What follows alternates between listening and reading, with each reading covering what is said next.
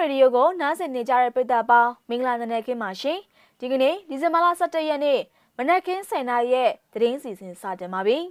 ကျွန်မကတော့အစီအစဉ်တင်ဆက်သူရမုံပါရှင်ဆလင်းချင်းမုံရပသိမ်လမ်းမအတိုင်းခြေလျင်ဆင်းလာတဲ့စစ်သားတွေမိုင်းဆွဲခံလိုက်ရတဲ့တဲ့မုံရမြို့သစ် NLD တိုင်းရုံးကိုစစ်တပ်ကဘုံခွဲပြီးတော့တနက်နဲ့ပစ်ခတ်ခဲ့တဲ့တဲ့ အင်းစိန်နဲ့ပသိမ်ထောင်တွေမှာအတန်တိတ်တပိတ်ဆန္ဒပြခဲ့တဲ့သတင်းတွေအပါအဝင်ဖြတ်ပုံမြို့နယ်မှာတော့နှစ်ရက်အတွင်းမှာစစ်ကောင်စီကဒေသခံ3ဦးကို PDF လို့ဆွဆွဲပြီးတော့ဖမ်းဆီးသွားတဲ့သတင်းတွေကိုတင်ဆက်ပေးပါတော့မယ်။ဦးဆောင်သတင်းသဘောက်အနေနဲ့စလင်းကြီးမုံရပသိမ်လမ်းမအတိုင်းခြေလျင်ဆင်းလာတဲ့စစ်သားတွေမိုင်းဆွဲခံလိုက်ရတဲ့သတင်းကိုတင်ဆက်ပေးပါမယ်။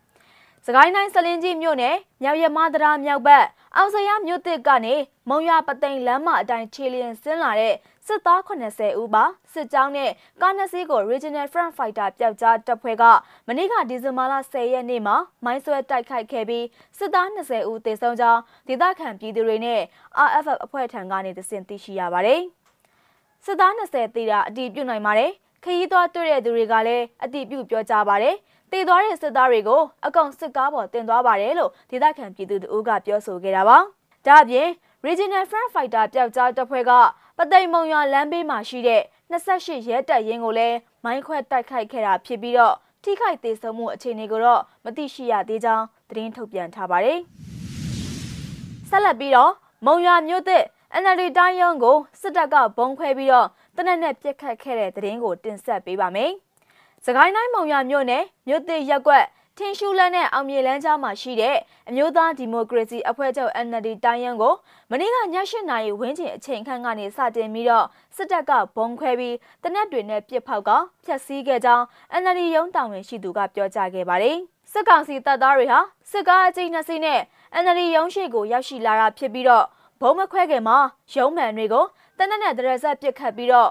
ဖောက်ခွဲမှုတွေကိုလှုပ်ဆောင်ခဲ့ကြောင်းသိရှိရတာပါ။ည8နာရီဝန်းကျင်လောက်ကပါရုံးကိုလာပြီးတော့ကားကြီးနှစ်စီးနဲ့ရုံးရဲ့မှန်တွေကိုတနက်နဲ့ဒရက်ဆက်ပစ်ပါတယ်။နောက်ပြီးတော့ခြံကြော်ပြီးတော့ဝင်လာပါ။ပြီးတော့ဘုံကိုနှစ်ကြိမ်ဖောက်ခွဲပြီးတော့ဖျက်ဆီးခဲ့ပါတယ်။အခုချိန်ထိအဲ့ဒီနားမှာရှိနေသေးတယ်လို့သိရတယ်ဆိုပြီး NLD ရုံးရဲ့တာဝန်ရှိသူတို့ကပြောကြားခဲ့တာပါ။မုံရမြို့သစ်ရောက်ကွက်မှာရှိတဲ့ NLD တိုင်းရုံးဟာ 2019ခုနှစ်မှာစတင်ဖွင့်လှစ်ခဲ့တာဖြစ်ပြီးတော့စစ်တပ်ကအာဏာသိမ်းပြီးရဲ့နောက်ပိုင်းပထမဆုံးချိန်ဖောက်ခွဲဖျက်ဆီးခံရတာဖြစ်ကြောင်းစစ်တပ်ကဝင်ရောက်ရှာဖွေမှုတွေပြုလုပ်တာဟာ၃ချိန်တိုင်တိုင်ရှိပြီဖြစ်ကြောင်းသိရှိရပါတယ်။နောက်ထပ်သတင်းသဘောအနေနဲ့တနိုင်ငံလုံးပါဝင်ခဲ့တဲ့တိတ်ဆိတ်ခြင်းတပိတ် Silent Strike ကိုရန်ကုန်မြို့မှာရှိတဲ့အင်းစိန်ထောင်နဲ့ AR တိုင်းပသိမ်ထောင်တို့မှလည်းပြုလုပ်ခဲ့ကြကြောင်းအကျဉ်းဦးစီးဌာနနဲ့နှိစက်သူတွေထံကနေသိသိရှိရပါတယ်။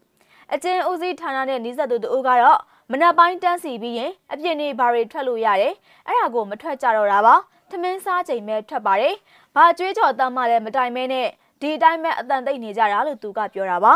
အင်းစိန်တီးတန့်ထောင်မှာတော့ညနေ၄နာရီအတန်သိပ်တပိတ်ပြီးဆုံးချိန်မှာသွေးသစ္စာတချင်းကိုတီးဆိုမှုတွေပြုလုပ်ခဲ့ကြောင်းသိရှိရပါတယ်အခုလိုမျိုးသွေးသစ္စာတချင်းတီးဆိုချိန်မှာတော့ရိုက်နှက်ခံရကြောင်းသတင်းတွေထွက်ပေါ်လာခဲ့ပေမဲ့တီးခြားအတည်ပြုနိုင်ခြင်းမရှိသေးတာပါ ဇူလိုင်လ23ရက်နေ့မနက်ပိုင်းကလည်းထောင်ဝင်စာကန့်သက်ထားခြင်းနဲ့အချုပ်အကျဉ်းဆောင်တွေကဖျားနာနေသူတွေကိုစိတ်ကူသားခွင့်အပြည့်အဝမရရှိခြင်းတို့ကြောင့်အကျဉ်းသားအချုပ်သားတွေမကြေမနက်ဖြစ်ပြီးတော့အင်းစိန်ထောင်တွင်းမှာဆန္ဒပြမှုတွေဖြစ်ပွားခဲ့ပါသေးတယ်။အဲဒီနေ့မှာလည်းသွေးသစ္စာတခြင်းနဲ့ကြွေးကြော်တန်တွေကိုတံပြိုင်ဟစ်ကြွေးတီးဆိုခဲ့ကြတာပါ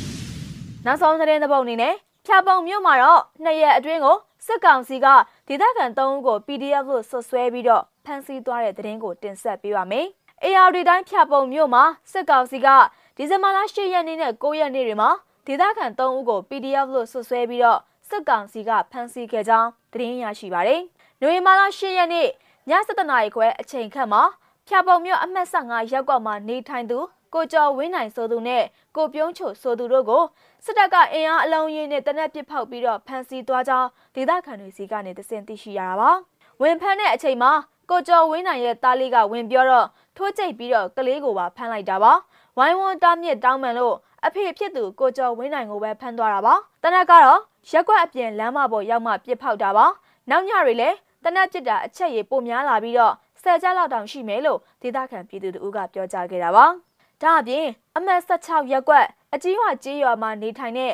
မရခိုင်မဆိုသူကိုတနက်ပစ်ဖောက်ပြီးတော့ဖမ်းဆီးသွားကြောင်းဒေသခံတွေစီကနေသင်သိရှိရပါတယ်။ဒါအပြင်ပသိမ်မြို့တစ်ဖက်ကမှလည်းဒီဇင်ဘာလပထမပတ်အတွင်းမှာဒေသခံ10ဦးထက်မနည်းကိုဖမ်းဆီးပြီးတော့သူတို့ထဲက16ဦးကိုတော့လက်နက်တွေနဲ့အတူဖမ်းဆီးရမိတယ်ဆိုပြီးတော့စစ်ကောင်စီကသတင်းထုတ်ပြန်ခဲ့ကြောင်းသိရှိရပါတယ်ရှင်။ ဒီဇင်ဘာလ17ရက်နေ့မနက်ခင်း10:00နာရီထိနောက်ဆုံးရရှိထားတဲ့သတင်းတွေကိုညစီမရေဒီယိုကနေထုတ်လွှင့်တင်ဆက်ပေးကြတာပါ။နားဆင်ပေးကြတဲ့အတွက်ကျေးဇူးတင်ပါတယ်ရှင်။